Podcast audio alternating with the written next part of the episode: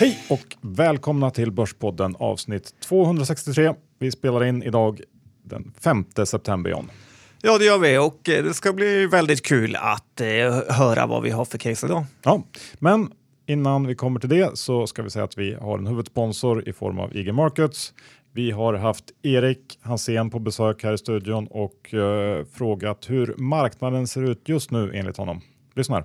Ja, just nu tycker jag att eh, marknaden ser väldigt stark ut. Eh, det är med hjälp av en svag krona och eh, starka rapporter för andra kvartalet. Värderingen idag är ju faktiskt lägre än vad den var innan sommaren. Så att OMXS30 handlas till ungefär P15, vilket varken är dyrt eller billigt. Bolagsvinsterna väntas växa ungefär 9% på rullande 12 månader och räntorna är fortsatt låga, så det finns många faktorer som ger stöd till, till aktier. Kollar vi på olika typer av tekniska breddindikatorer kan vi se att en klar majoritet av bolagen handlas i positiva trender. Vad som brukar strypa längre uppgångsfas på börsen det är när centralbankerna stramar åt med räntehöjningar för att dämpa inflationen. Men det är förmodligen nästa år som Riksbanken och ECB kommer börja höja räntorna här. Ehm. Du låter väldigt eh, positiv. Finns det inga orosmoln? Ja, marknaden ska alltid ha någonting att oroa sig över. Eh, på kort sikt så präglar ju handelsfrågorna eh, sentimentet på börsen. Eh, på, på, på längre sikt så är det framförallt bolagsvinsterna som styr och här kan man kolla på olika typer av konjunkturindikatorer. Vi såg i veckan att inköpschefsindex för industrisektorn har fallit tillbaka här, fortsätter falla tillbaka, visserligen från höga nivåer.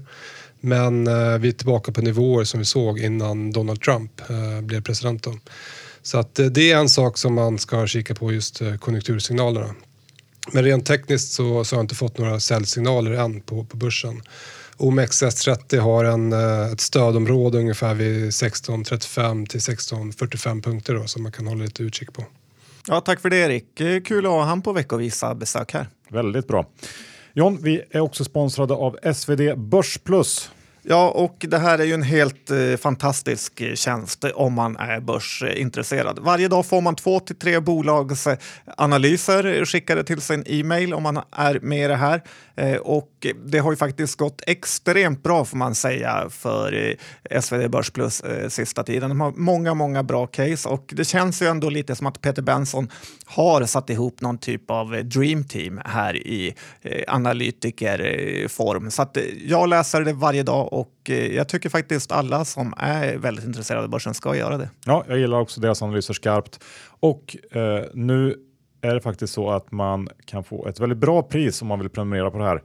Eh, för den som är kund hos Nordnet Private Banking. Då får man 50% rabatt eh, och tycker man att det låter bra då mejlar man till privatebanking.nordnet.se.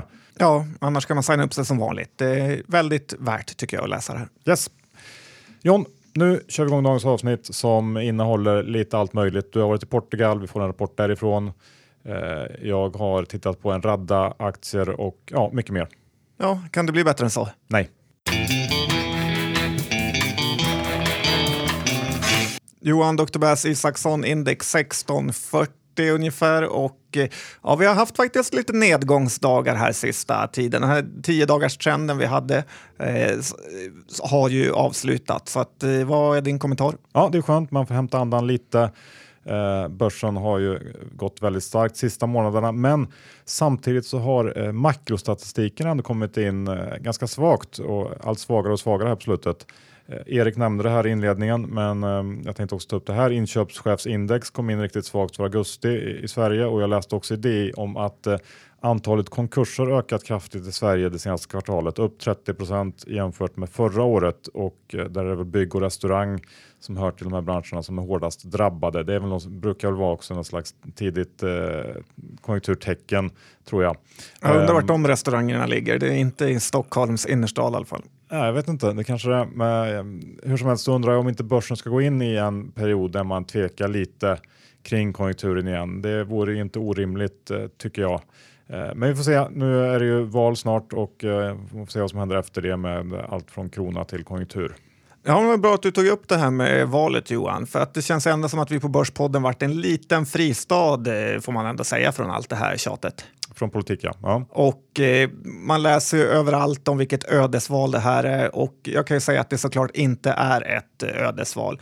Eh, kanske ett av de mest oviktiga valen någonsin. Så att jag tycker ingen där ute behöver oroa sig.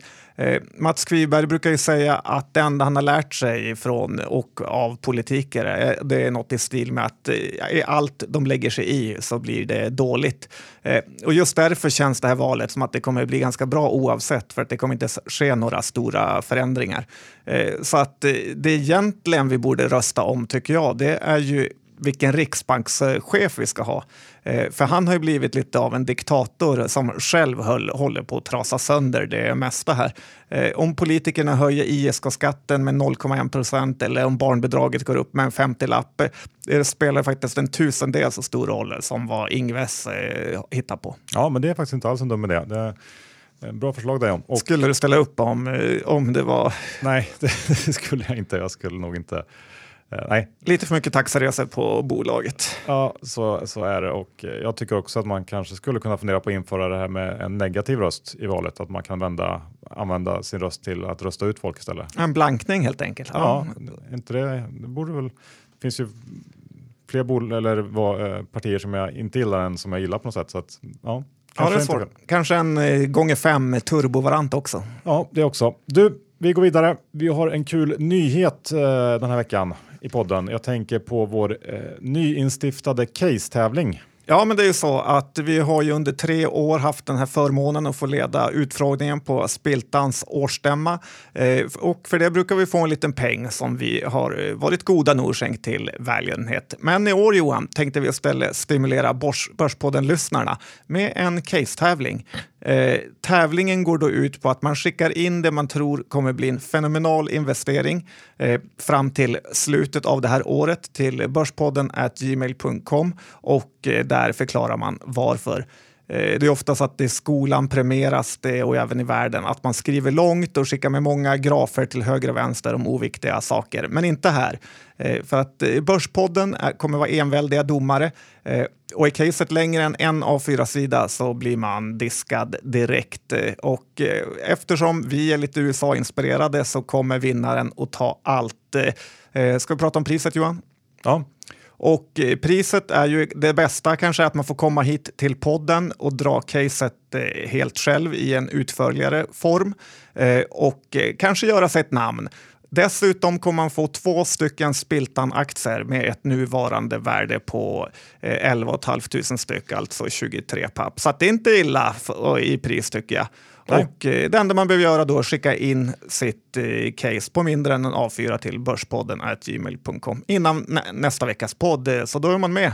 Alla får vara med, stora som små. Ja, det blir väldigt spännande att se vad vi får in för bidrag där. Kul och jag vill också passa på ändå att slå ett litet slag för Petrusco och Fondpodden den här veckan också. Han har fått en kanonstart, massor av lyssningar och nu senast var han och träffade Ulf Hedlund på Svolder. Väldigt intressant samtal. Så lyssna på det om ni har det minsta lilla intresse av eh, fonder, investmentbolag och börsen. Ja, men den är faktiskt väldigt eh, lyssningsvärd. Ja. Ska vi ta eh, något innan vi avslutar första delen här om det tuffa, hårda klimatet där ute? Jag tänker kanske på Catena Media som ja, vad tänker du John? Nej, men det brukar ju vara säga att det är ett eh, hårt klimat i politiken, men jag tycker knappt det. Det känns som att det är hårdare på börsen nu för tiden. Eh, den, som du sa, Catena Media har ju blossat upp till en rejäl fight mellan två olika läger. Det är håsarna och bråsarna. Ja, ja precis. Och nu har det visat sig att eh, Mats Kviberg i Öresund eh, har tagit på sig ledartröjan och eh, köpt ännu mer aktier i Catena. Eh, och jag kan ju säga så här, jag skulle inte vilja vara i Ekdal Perssons skor om han på minsta sätt har lurat eh, Kviberg, för det kommer inte vara roligt. Och eh, sen står ju det lite på spel att Kviberg vill ju också framhäva ofta vilken aktienäsa han har. Och om det här skulle vara att gå på en sån nit som Bråse hävdar att det är så är det inte roligt. Så det känns som att det ska bli väldigt kul att följa den eh, här soppan, för det är mycket investerat förtroendekapital på båda sidor.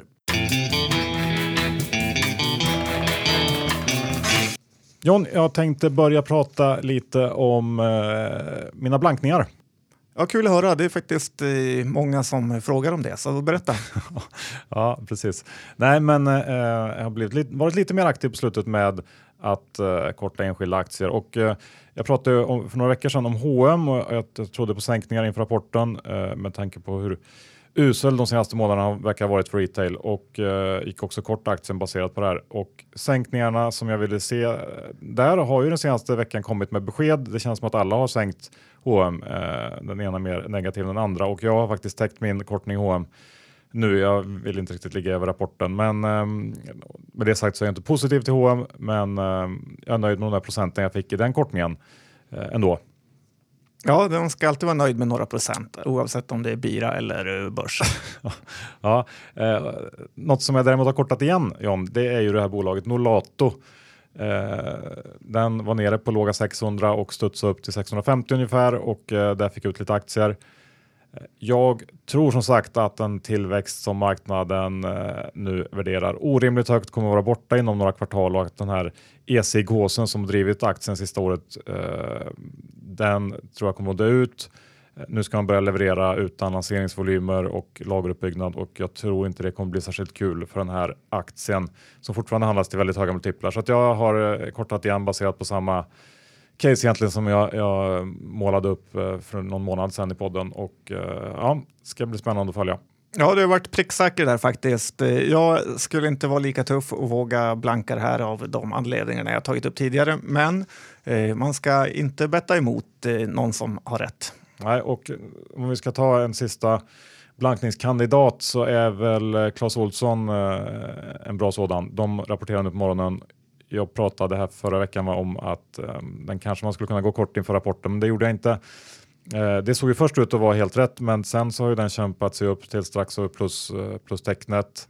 Ehm, lite svårt att förstå. Rapporten i sig var väldigt svag. Omsättningen var ju redan känd så fokus låg på resultatet och eh, uh, augustiförsäljningen. Och tittar man på resultatet så missar man rejält. 32 miljoner mot väntade 53 och det är ner nästan 70 procent jämfört med förra året. Eh, Augustiförsäljningen var inte heller något att hurra, hurra över. Like for like var upp 1 där och den enda ljusglimten som jag kunde hitta var väl att man hittat ytterligare 200 miljoner ungefär i besparingar. Men totalt sett så har jag svårt att se att inte estimaten ska komma ner mer här. Och jag tycker fortsatt att värderingen är alldeles för hög. Var ska man betala P 15 16 för det här? Givet de utmaningar man står inför. Så att det här är ju en solklar sälj för mig. Ja, jag är inte lika säker på att det är en eh, säljrek. De ska jobba med Amazon nu Johan, kittlar inte det? Nej, det, det, är, det är typiskt sånt där som man inte ska liksom, hänga upp sig på i det här bolaget, utan de sitter med jättemånga alldeles för stora butiker där man säljer klistermärken och gem och sånt. Eh, det kommer inte funka helt enkelt. Ja, jag håller inte med riktigt, men visst, eh, det kan, eh, behöver inte vara fel heller. Nej. Du har varit i Portugal John. Ja, det har jag varit. Och, eh, Var det kul? Ja, faktiskt. Eh, jag tog med mig lite lunchningar härifrån så att jag ska kunna fakturera det i min resa. Eh, det är ju faktiskt ett av de ställena i västvärlden där vi fortfarande i Sverige har lite köpkraft faktiskt. Eh, så att man förstår att svenska topparna flyger dit. De har det så knapert annars. Johan Melin är inte så dum då? Ändå. Nej, det är han nog inte. Nej. Det är kanske inte första som säger det. Men vad gäller svenska företag där så var jag såklart inne på några hm butiker och Eh, det känns ju nästan lite tragiskt att de kör med den här omoderna stilen världen över. Eh, det, nästan så att man blir lite uppgiven kring det här bolaget. Men vi har ju bäsat de här nog i den här podden så att vi lämnar dem. Eh, en grej som slog mig var ju dock det här hur poppis fjällräven var. Eh, det kan säga att det var liksom, vart man än vände sig så såg man eh, någon portugis gå runt med en sån här konken-ryggsäck. Det fanns också flera butiker där som bara sålde ryggsäckarna. Och eh, eh Fjällräven ägs ju av eh, Phoenix Outdoor man har ju alltid tyckt att det här bolaget och aktien är lite för dyrt och eh, heller inte riktigt förstår vad som handlar i de här svindyra eh, butikerna de har, för de äger ju Naturkompaniet och eh, det är ju inte heller en butik som riktigt känns överfull vid en första anblick. Eh, p-talet på det Phoenix Outdoor är ju just över 20 så att eh, det är inte jättedyrt i jämförelse med andra liksom, supervarumärken, men man har ändå svårt att komma över oron för eh, butikerna. Eh, samtidigt kan jag väl tänka mig att det kanske man vill prova sådana här kängor eller eh, dyra byxor eh, som kostar många tusen lappar innan man bara beställer hem dem på nätet. Mm. Kul att höra att det går bra för dem i Portugal. Har du något mer? Eh, ja, men jag har ju några portugisiska bolag, för det går ju ändå att handla de här eh, på, eh, via Avanza har jag sett. Eh, vi har ju ett som även går att handlas i USA är, och eh, är den här BBVA, Banco Bilbao Vizcaya Argentinaria, tror jag den heter. Och eh, den här, Perfekt uttal. Ja, men jag gick spanska mellan sjuan till nian Johan, så att jag är lätt för språk. Det tror jag poddlyssnarna vet vid det här laget. Ja. Eh, men den här banken finns ju precis överallt, eh, både i Spanien och Portugal. Och eh, jag kommer också ihåg när jag var på de här eh, mötena med Carmignac så var ju deras eh, fondförvaltare pushat lite för den här aktien. Eh, den handlas i USA, vilket gör att den är lätt att komma över med kortnamn då, BBVA. Och nästan alltid när man tittar på den här så har den gått ner. Nu senast var den nere i 6,20 dollar någonting, vilket är typ all time low. Och eh, ja, man kan ju fråga sig då varför när ändå Spanien och Portugal har vänt upp ur den här konjunkturhärvan sen krisen. Eh, men går man in då på deras hemsida så ser man att de är väldigt stora eh, både i Sydamerika och gissa vart Johan? Jag vet inte. Turkiet. Då. Så Mm. de är till och med bättre än dig och mig på att leta upp eh, härvor. Eh, men ändå, vill man betta lite på banksektorn i Sydamerika och Turkiet så har man ett bra bett här. Jag vet inte. Köpa just bank på all time low som bara trendar ner och ner känns ju inte så lockande ändå. Nej, det är många som är rädda för just det. Eh, sen har vi två energibolag. Vi kan säga att det är Portugals Lupe. Det heter Galp Energia.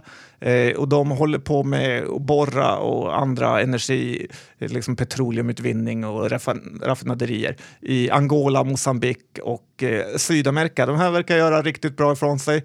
Eh, aktien har gått bra, det är P17 och utdelning på eh, 3,5 procent här. Så att, eh, ja, lite spännande. Och sen har vi en blandning, något som du kanske gillar Johan. EDP Renovavies, eh, om jag eh, inte har min portugisiska helt fel. Eh, Men det är en blandning av Studsvik, eh, Fortum och Evolusvind. Kan knappt bli bättre. Nej, men lite så här. Jag såg att du smilade där. Och här får man eh, så här många fina bolag i ett så är det lite dyrt med. Och eh, P30 och eh, ja, liten men nästan obefintlig utdelning. Men jag skulle ändå, det här bolaget är ändå något som kändes lite eh, spännande. Och sen kanske en liten kort kommentar om eh, cidermarknaden Johan. Ja, vad om dem? Ja, jag såg inte en enda Kopparbergs eh, cider, Eh, inte någon gång, inte ens de här butikerna som sålde, eh, utan det bara dricks den här Sommersby-cidern och den ägs ju av Carlsberg. Eh, Så att ja, man ska vara glad om man kunde kränga ut sina Kopparbergs aktier efter rapporten på 230-240. Ja, det tror jag också var ett väldigt, väldigt bra säljläge. ehm, helt enkelt. Du, eh, Elekta har också rapporterat. Ehm, Världens mest svårhandlade aktie. Ja, och svår, svåranalyserad också kan jag tycka, eller i alla fall ganska. Eh, aktien tappar 10% på den här rapporten, eh, men givet att den fortfarande är upp eh, ungefär 70-75% i år tror jag, så kanske förväntningarna var lite höga, eh, lite väl höga här. Eh, bolaget missade ganska rejält på bruttomarginalen, vilket gjorde att då resultatet kom in långt under förväntningarna och vdn hävdar att det här främst bodde på högre volymer på tillväxtmarknader där systemen inte är lika avancerade och det genererar lägre serviceintäkter. Så att, eh, det är förklaringen. Han menar också att marginalen kommer att öka under resterande del av året och sen får man komma ihåg att Q1 som det här var är ett ganska litet kvartal för Elekta och den stora grejen eh, med Elekta nu är ju att man är i början av en ny produktcykel eh, med den här Unity-maskinen och det är eh, väl förväntningar på den som har drivit aktien eh, gissar jag. Och som vi sa i början, det är ett svåranalyserat bolag. Kanske är det här ett bra läge att hoppa på tåget, men jag kan för lite och tycker att det är för svårt så jag passar ändå. Ja, man vet ju hur det fungerar när vdn får in de här rapporterna från CFO. Då får de sitta och hitta på varför bruttomarginalen är någon procent hit eller dit. Så att, eh, ja, jag håller mig undan Elekta för det är ett av de lättaste sätten att förlora pengar på börsen. Ja, något som är lite enklare att förstå är ju veteranpoolen som jag tror att vi hade pratat om eh, i podden. Eh, avknoppning från Homemade eh, här kring årsskiftet. Och det är ju då ett bemanningsbolag för pensionärer som vill dryga ut kassan lite. Och det här bolaget växer snabbt, 50% nu senaste Q2an, tjänar dessutom eh, väldigt bra med pengar. Och eh, jag som gillar investeringar som rider på den här oundvikliga demografiska utvecklingen i Sverige med en allt större andel äldre i vår befolkning gillar eh, det här och ångrar väl lite grann att jag aldrig fick tummen ur och köpte i början av året när man kunde handla den här aktien kring 12-13 spänn. Um, nu är den uppe kring 18 och sånt tror jag. Um, tittar man på det här så kanske man inte ska räkna med att den här enormt starka tillväxten vi har sett i år ska hålla i sig. Men jag tror ändå att, att man borde kunna leverera en hygglig tillväxt över ganska många år. Det här är en marknad som, som är i sin linda lite grann och som växer Eh, och tycker inte heller att aktien ser sådär superdyr ut. Eh, I år eh, borde man kunna göra en bit över 30 miljoner i ebit och man har några miljoner i kassan, värderas till 300 30 miljoner och sånt på börsen och det som avskräcker är väl den usla likviditeten i aktien vilket gör att om man köper in sig här då sitter man mer eller mindre fast. Eh, precis som i många andra småbolagsaktier i och för sig. Men eh, ja, med det sagt så ligger den här ändå på min eh, watchlist att köpa in någon gång. Ja, jag är lite orolig för vissa grejer med veteranpoolen. Det ena är ju det här med att till exempel ungdomar och andra vikarier kan man eh, väldigt fort, fort eh, få tag i. De kollar sina telefoner, det går lätt att styra upp eh, system. Medan punchisar har ju mer ett av liksom planerat liven då. Så det är lite svårare att kanske bygga upp en jättepool av hungriga pensionärer som vill sticka ut och jobba. Ja. Nej, men jag tror att det är bra. Det enda det jag ser mer kanske är att uh, det kan bli lite mer konkurrens på det här området och att marginalen kanske ser lite för Eh, hög ut på sikt. Men vi får se. Jag tycker att det är ett intressant bolag man kan följa. Ja, verkligen. Det gäller bara, som du säger, att komma in i rätt tid. Ja. Eh, Jan Hoist har du kikat på? Ja, men det har gjort. Eh, känns nästan som att vi är lite för positiva idag, Johan, mot vad vi brukar vara. Eh, de har ju fått en ny storägare i EQT och eh, egentligen borde det vara lite av en no-brainer tänker jag här och köpa in det här med tanke på erfarenheterna från andra aktier. Eh, till exempel BIM. När EQT går in så brukar det sällan bli en dålig affär. Eh, Hoist är väl ganska så mycket tråkigare bolag får man väl ändå säga. Någon typ av intrum justitia kopia. Eh, men det är också väldigt mycket billigare. Enligt SME ska det vara P10 i år och P8 på 2019. Eh, så att det är inte jättedyrt. Eh, tror man på konjunkturskrasch så kanske inte köpa fordringar är det bästa. Men jag tror ändå att Hoist kan vara ett eh, intressant case att hänga med EQT på en, några kronor. Ja, så kan det vara. Jag var ju på den här SvD Börs Plus-dagen igår. De hade en temadag digitala vinnare och lyssnade på min gamla Norge-favorit, bland annat Salaris.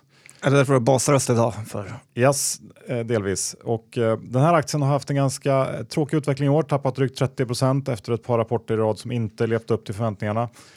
Och det som har strulat till det är de förvärv som man genomförde förra året och integrationen av de här som uppenbarligen inte gått lika smidigt som man hade hoppats på. Men um, det här ska vara slutfört under Q2 eh, och eh, uh, vd Hans Petter sa att man nu eh, ska börja jobba sig tillbaks till en marginal runt 10% det vill säga där man låg innan förvärven. Uh, jag förstår tänket bakom de här förvärven som har bidragit till att bredda Salaris ganska rejält geografiskt. Uh, nu är man stora på den tyska och brittiska marknaden också, förutom den nordiska som man bara jobbar på tidigare. Och, det är bra, men den lite tråkigare aspekten av de här förvärven är att det framförallt är konsultintäkter som de bidrar med. Det har gjort att andelen återkommande intäkter gått från någonstans eh, höga 90-95 procent till 80. Eh, det är fortfarande högt, men ändå lite trist tycker jag. Eh, och sammanfattningsvis är väl intrycket att man är inne i en liten tuff och tråkig period, men jag tror att det här bolaget kommer att jobba sig igenom det här och att man även fortsatt har bra möjligheter att växa på ganska hyggligt. Sådär.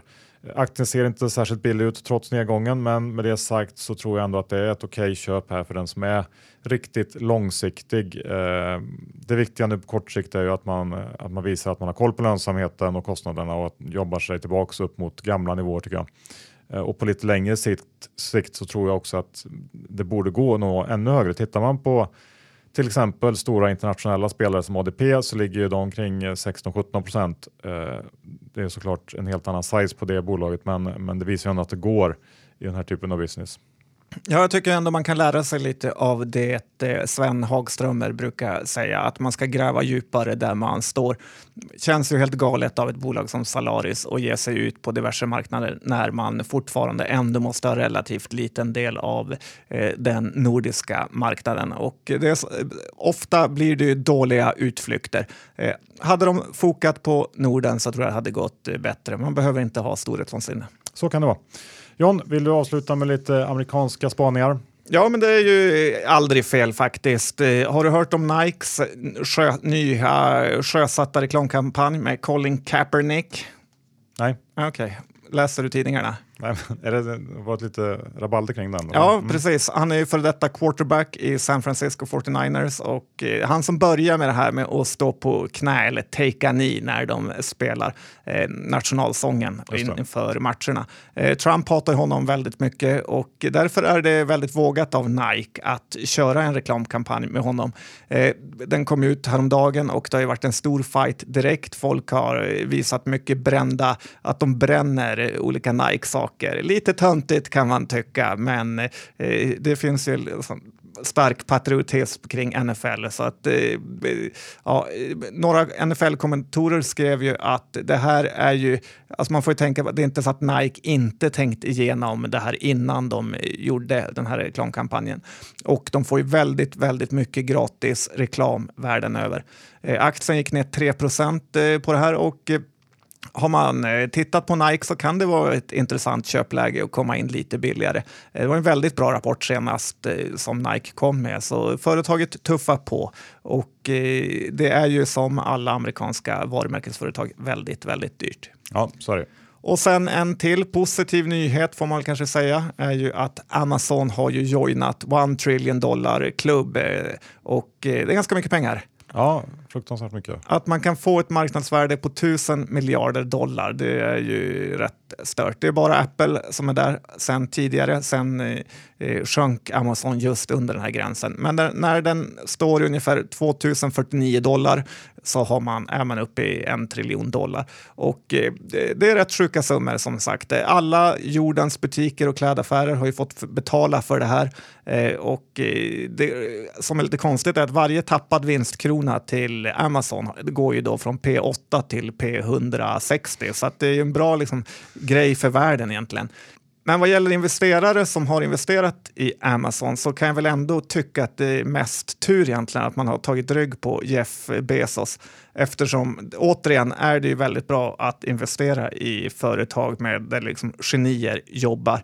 Eh, för det är ju briljanta idéer som man gång på gång liksom, om, eh, liksom förändrat eh eh, Eh, Amazon, att de har ju kört de här eh, web services och eh, ja, hela tiden kommer det nya grejer som gör Amazon mer värdefullt. Och det är inte direkt så att CDON som också har jobbat med det här, har levererat någonting sedan de började sälja grejer på nätet. Så att, jag tycker också lite märkligt att ingen eh, svensk har kunnat eh, lägga upp någon bild. Det vore kul att se på Twitter om någon kunde lägga upp en bild där de hade tjänat otroliga mängder på Amazon-aktier. Det var avsnitt 263. Vår huvudsponsor heter IG Markets. Ja, det gör de. Och eh, Erik har ju ett väldigt bra morgonbrev som man skickar ut. Så att jag tycker, signa upp er på det. Öppna även ett konto på IG så ser ni vad de går för. Ja, och kom ihåg att handel med CFDR eh, betyder att det är hög risk och eh, det ska man tänka på när man eh, öppnar konto och börjar handla. Självklart. Ja, och vi är också sponsrade av SvD Börs Plus. Det är kul. Ja, det är ju så att om man gillar aktier så ska man verkligen eh, signa upp sig på den här tjänsten för att eh, få två till tre analyser varje dag mejlade till sig av eh, svenska och även utländska bolag är eh, mycket, mycket värdefullt. Eh, jag läser den varje dag. Jag tycker ni också ska göra det. Ja, och är man då kund hos Nordnet Private Banking, då får man 50% rabatt om man vill teckna en prenumeration och då eh, mejlar man till privatebanking.nordnet.se. Mycket bra. Ja. Vad har du i din väska denna vecka Johan? Ingenting av det vi har pratat om. Jo, jag är kort Nolato. Det glömde jag bort. Hur ser det ut för dig? Nej, den här veckan har jag ingenting faktiskt. Så att eh, det vi får göra är att fokusera på case-tävlingen. Kom ihåg, ja. till nä nästa veckas podd skicka in en av fyra på vad du tror blir det här årets vinnare så är du med i tävlingen och vinna två Spiltan-aktier och få komma till podden ja. och prata. Så är det. Vi vill ha era absolut krispigaste case. Vi tackar för oss den här veckan och hörs om exakt en vecka igen. Hej då! Hej då!